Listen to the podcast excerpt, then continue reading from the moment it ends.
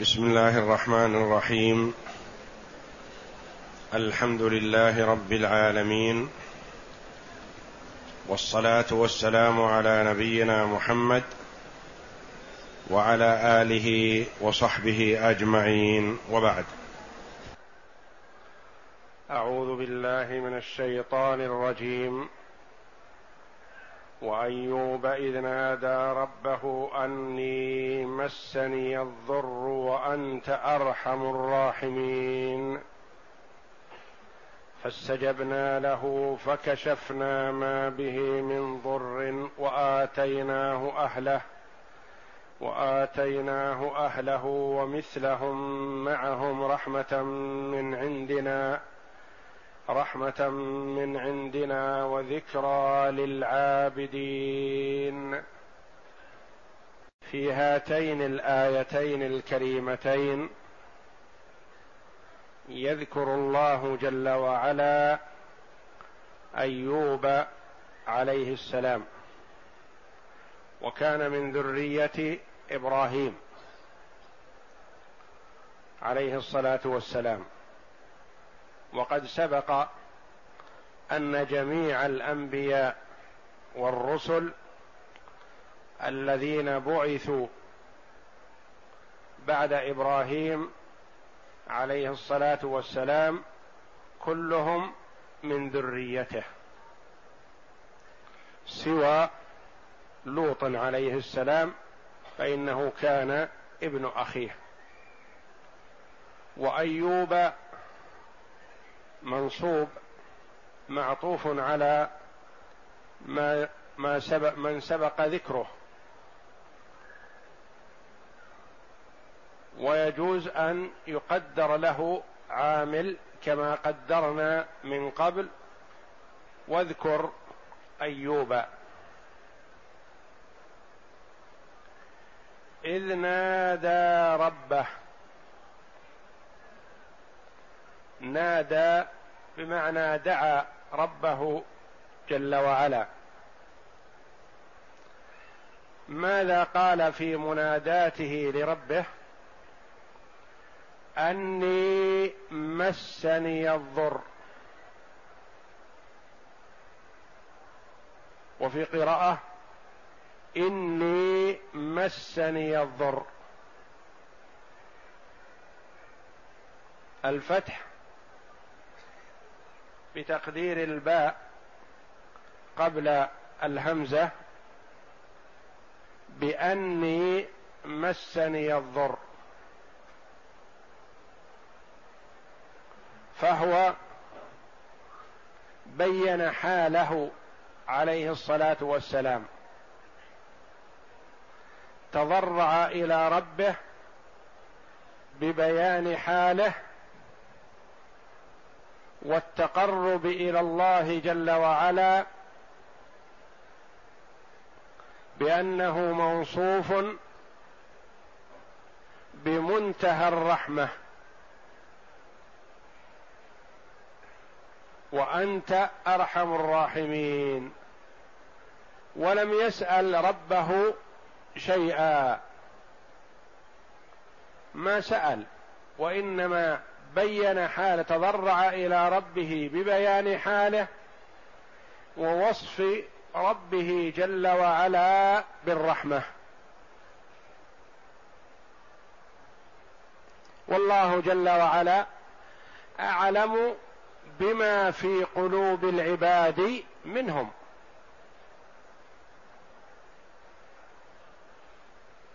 ولقد خلقنا الإنسان ونعلم ما توسوس به نفسه ونحن أقرب إليه من حبل الوريد. أني مسني الضر. هذا النداء ليس تشكيا وإنما دعاء وتضرع. والشكاية إلى الله جل وعلا دعاء بخلاف الشكاية للمخلوق. فلا يجوز أن يشكو مخلوق إلى مخلوق وإنما له أن يخبره على سبيل الإخبار لا على سبيل التشكي.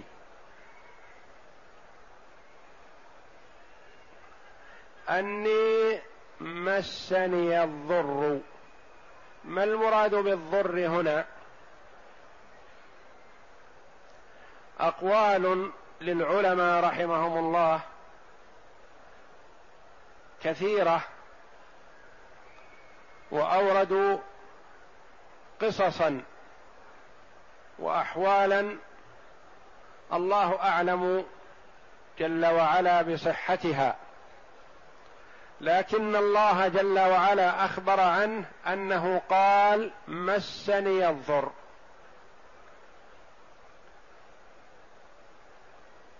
والضر البلاء والمصيبة. ما هذا؟ قيل إنه انقطع عنه الوحي فترة. فقال أني مسني الضر. وقيل أراد القيام للصلاة فعجز. وقد ابتلي عليه الصلاة والسلام ببلاء عظيم. فصبر. ولهذا كان يضرب به المثل. في الصبر. فيقال فلان صبر صبر أيوب. وقد نقل المفسرون رحمهم الله بأنه ابتلي في أمور كثيرة. وكان قد أنعم الله جل وعلا عليه بالصحة. والولد والمال بأنواعه من الإبل والبقر والغنم والخيل والحمير.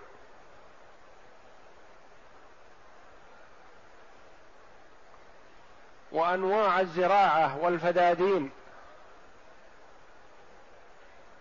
وأرقة ومماليك.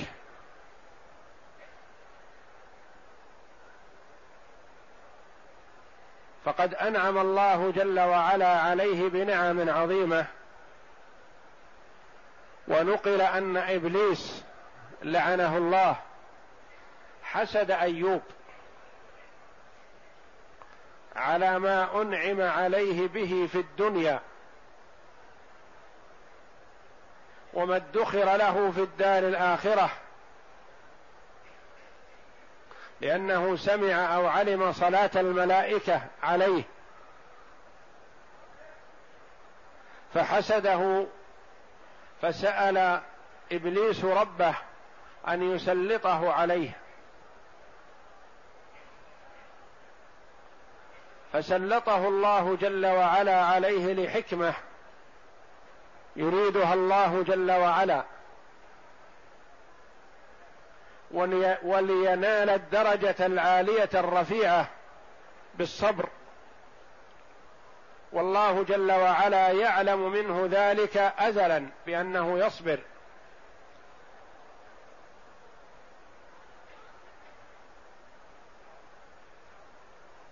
وكما قال عليه الصلاة والسلام أشد الناس بلاء الأنبياء. ثم الأمثل فالأمثل. كلما كان المرء قويا في دينه وإيمانه زيد له في البلاء. لينال درجة الصابرين. وليس البلاء أو المصيبة تكون عن ذنب أو عن أو قد تكون عن هوان عند الله جل وعلا ليس كذلك. بل قد تكون لذلك وتكون لغيره وتكون لقرب العبد من ربه جل وعلا ومحبته له شدد له البلاء.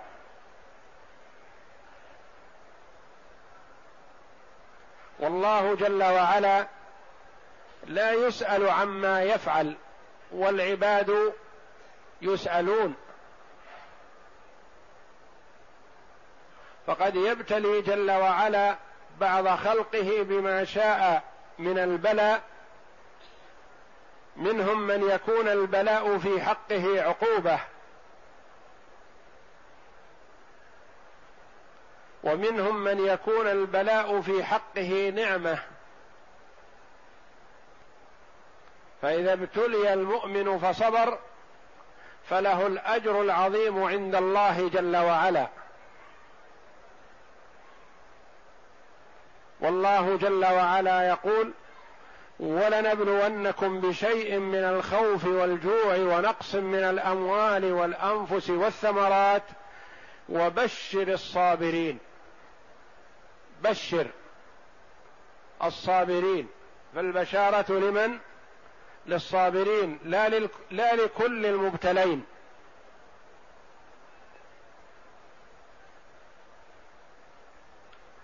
فأيوب عليه السلام أنعم الله جل وعلا عليه بنعم عظيمة ثم سلط عليه إبليس فتدرج في المصائب التي حصلت عليه بأمر الله جل وعلا. فاولا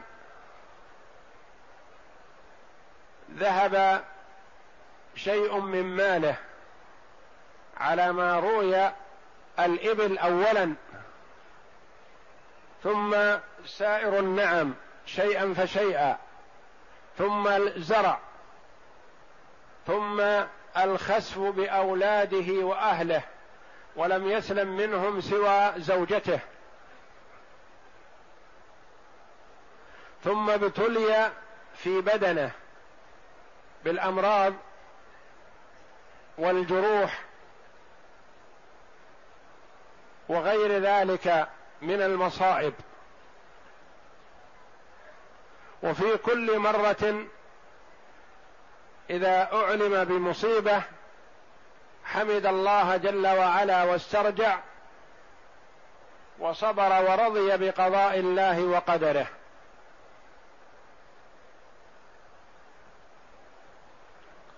حتى ابتلي في بدنه وفي رزقه فكانت زوجته فيما نقل تذهب لتعمل لتطعمه.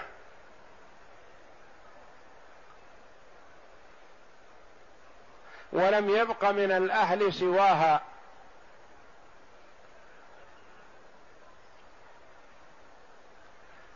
فصبرت على ما أصابهما من البلاء وقامت على أيوب عليه السلام.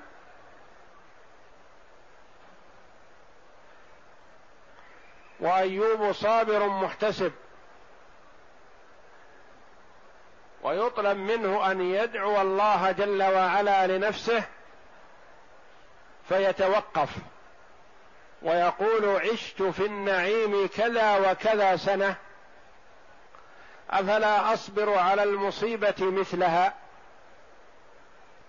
ولكنه دعا في الأخير. يقال لما خشي على قلبه من أن يمتد إليه المرض وعلى لسانه فيتوقف عن ذكر الله وعن العمل بطاعة الله. عند ذلك سأل.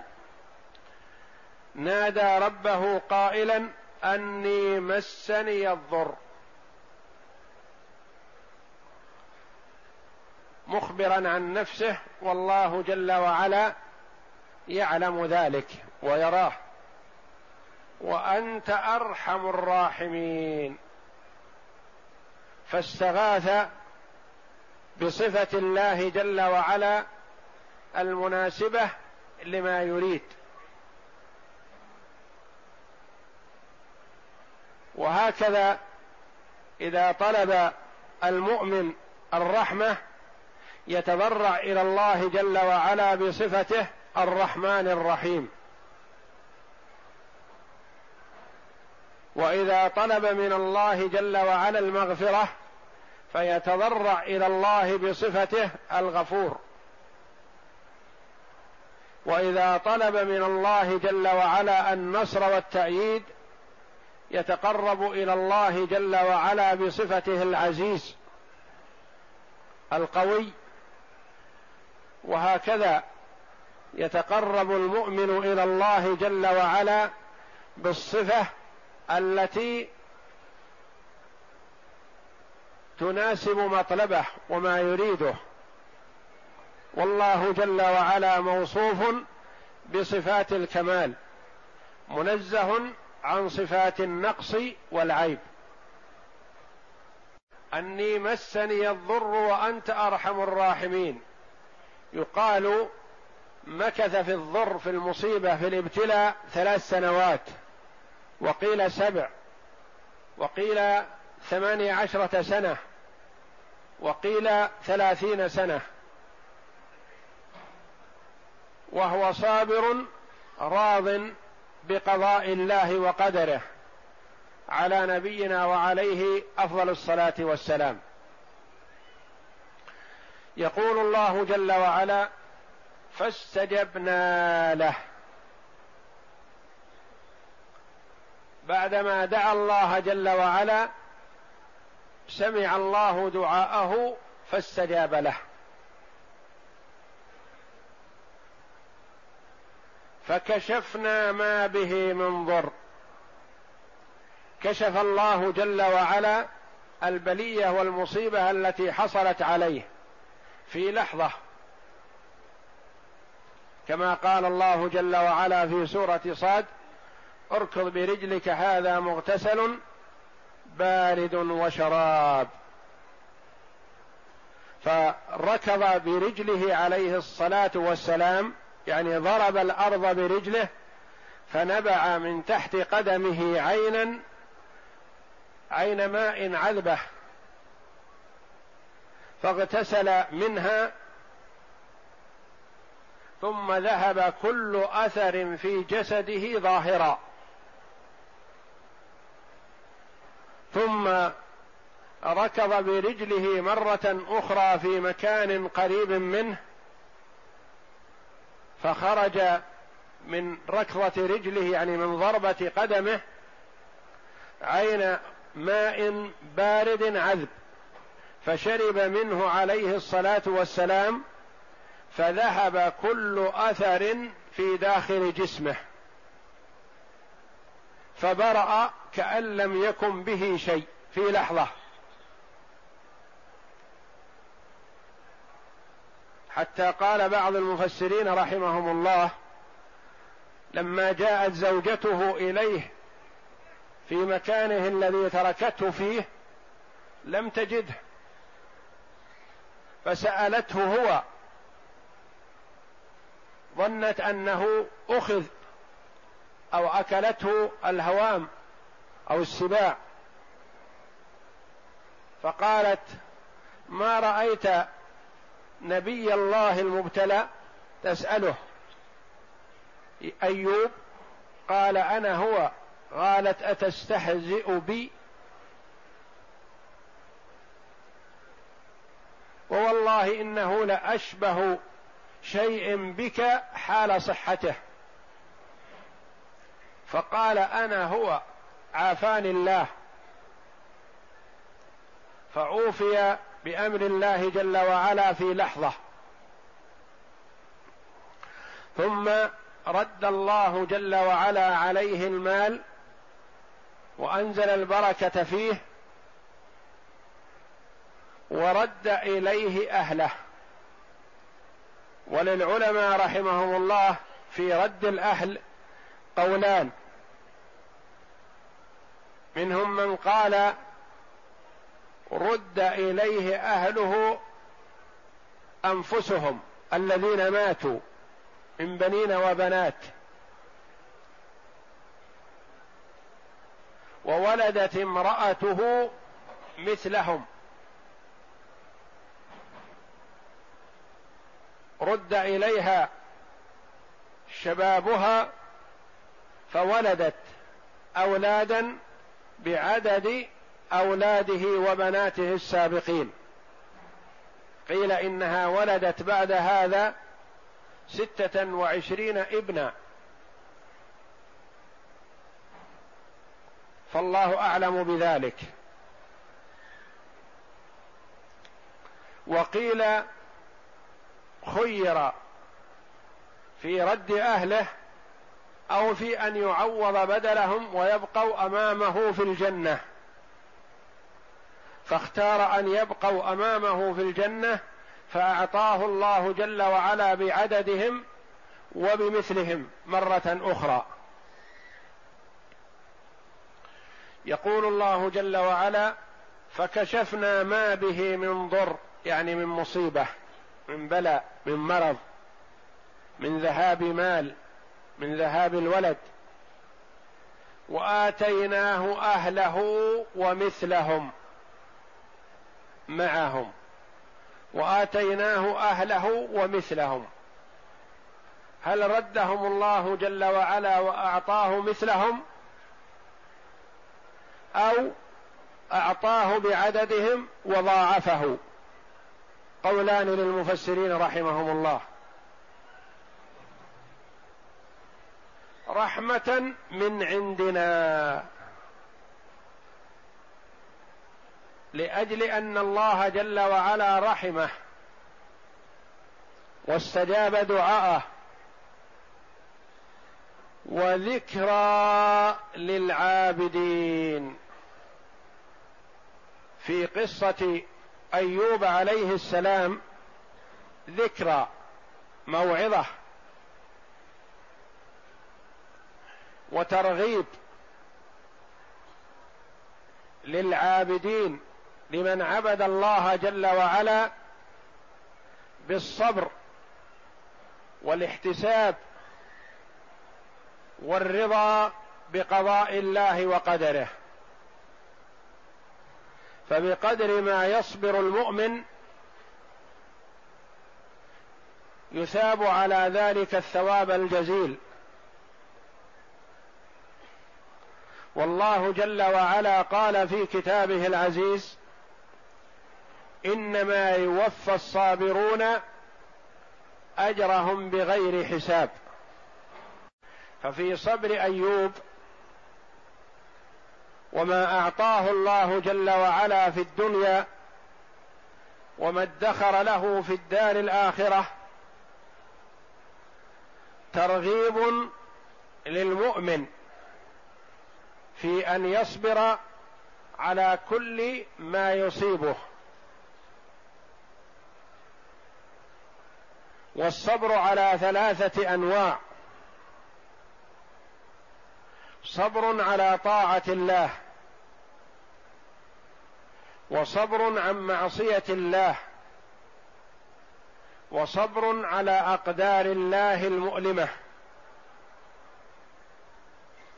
فالمؤمن يصبر على الطاعة ويواظب عليها.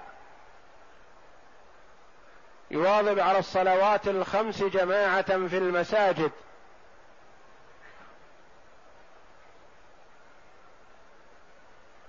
يواظب على تأدية الزكاة.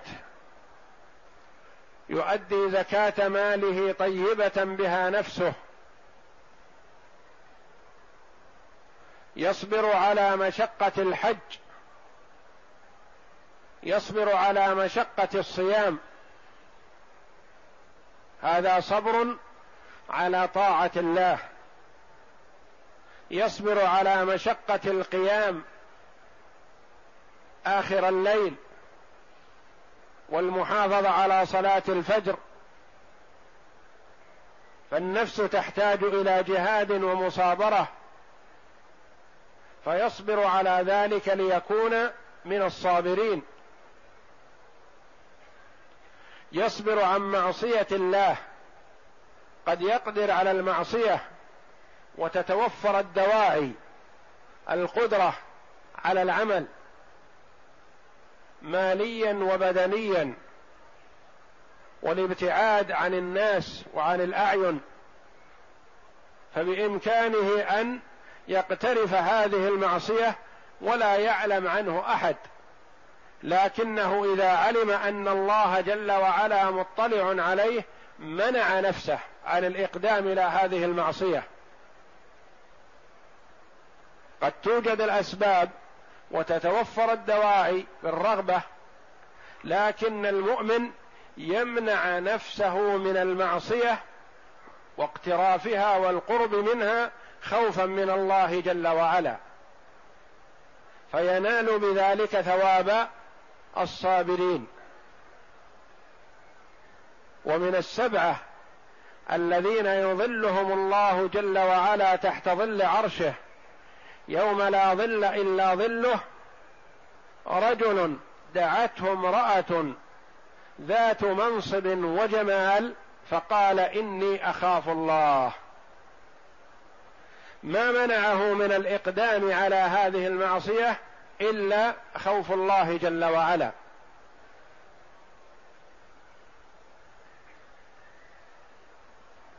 فالمؤمن قد يتيسر له فعل المعصية ونفسه في رغبة لل للإتيان بهذه أو التلذذ بها وإشباع غريزته وما يميل إليه لكن إذا ذكر أن الله جل وعلا مطلع عليه ويعاقبه على ذلك إن اقترف منع نفسه وصبرها وحملها التصبر سلم بإذن الله ونال بذلك ثواب الصابرين. الثالث من أنواع الصبر الصبر على أقدار الله المؤلمة. يبتلى المؤمن في ماله في بدنه في ولده في فقد حبيب فيصبر ويتحمل ويسترجع فينال بذلك ثواب الصابرين. والذين إذا أصابتهم مصيبة قالوا إنا لله وإنا إليه راجعون. فيسترجع ويحمد الله جل وعلا ويسأله الثبات والصبر فيصبره الله ويثيبه على صبره ذلك. وإلا إن لم يصبر فالمصيبة حاصلة ويسلو كما تسلو البهائم ويحرم الأجر والعياذ بالله. فالله جل وعلا جعل واختار من خلقه من هم قدوة في الأعمال الصالحة ومنهم وأفضلهم نبينا محمد صلى الله عليه وسلم. فقد أوتي من صفات الكمال التي يحبها الله جل وعلا ما لم يؤتها غيره من البشر. والمراد صفات الكمال التي يتصف بها البشر. وأما صفات الله جل وعلا فهي مختصة بالله جل وعلا لا يشركه فيها ملك مقرب ولا نبي مرسل. ثم أمر عباده بالاقتداء بالقدوة. لقد كان لكم في رسول الله أسوة حسنة لمن كان يرجو الله واليوم الآخر وذكر الله كثيرا. فأنبياء الله ورسله قدوة للخلق بالصفات الحميدة. لمن؟ لمن عبد الله جل وعلا وليست للناس كلهم. كما قال الله جل وعلا وذكر فإن الذكرى تنفع المؤمنين. لا تنفع الناس كلهم لأن بعض الناس لا تنفعه الذكرى ولا يستفيد. بل يزداد شرا وسوءا إذا ذكر والعياذ بالله. منهم من تأخذه العزة بالإثم فيتسلط زيادة عند التذكير. ومن الناس من إذا ذكر ذكر وإذا وعظ اتعظ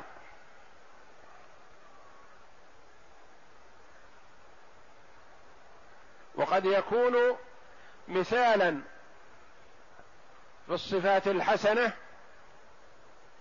فإذا ذكر ازداد حسنا. ولا يقال إن الذكر تنفع المقصر أو المفرط.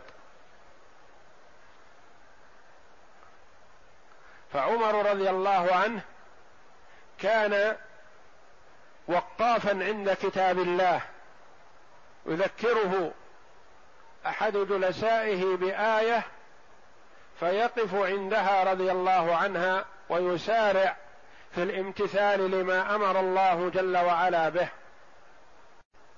وذكرى للعابدين. وذكر فإن الذكرى تنفع المؤمنين.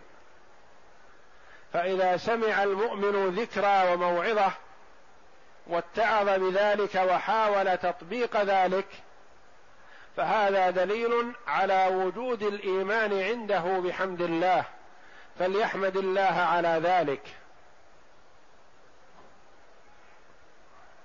وهكذا كان سلفنا الصالح رضوان الله عليهم. إذا سمعوا من النبي صلى الله عليه وسلم شيئا يأمر به طبقوه على أنفسهم اولا وقبل كل شيء. ثم طبقوه على أهليهم ثم على من حولهم. فقدوتنا في هذا سلفنا الصالح رضوان الله عليهم أجمعين. وذكرى للعابدين. والله جل وعلا يقص علينا فضلا منه وإحسان قصص الأنبياء لنتعظ بذلك ولنستفيد الدروس العظيمة التي تكون نبراسا لنا في حياتنا ومعاملاتنا وأخلاقنا مع أهلينا وأولادنا ومع جيراننا وإخواننا ومع عملائنا ومع رؤسانا وغير ذلك. ومع ربنا جل وعلا فنتأدب بآداب القرآن الذي أدبنا الله جل وعلا به وأدب به نبينا محمدا صلى الله عليه وسلم وجعله قدوة لنا وأسوة لنا حسنة. هذا وأرجو الله جل وعلا أن يمن علي وعليكم بالعلم النافع والعمل الصالح وأن يجعلنا جميعا من الهداة المهتدين. وأن يصلح لنا نياتنا وذرياتنا وأزواجنا وأهل بيوتنا وأن يجعلهم عونا لنا على طاعته. وصلى الله وسلم وبارك على عبد ورسول نبينا محمد وعلى آله وصحبه أجمعين.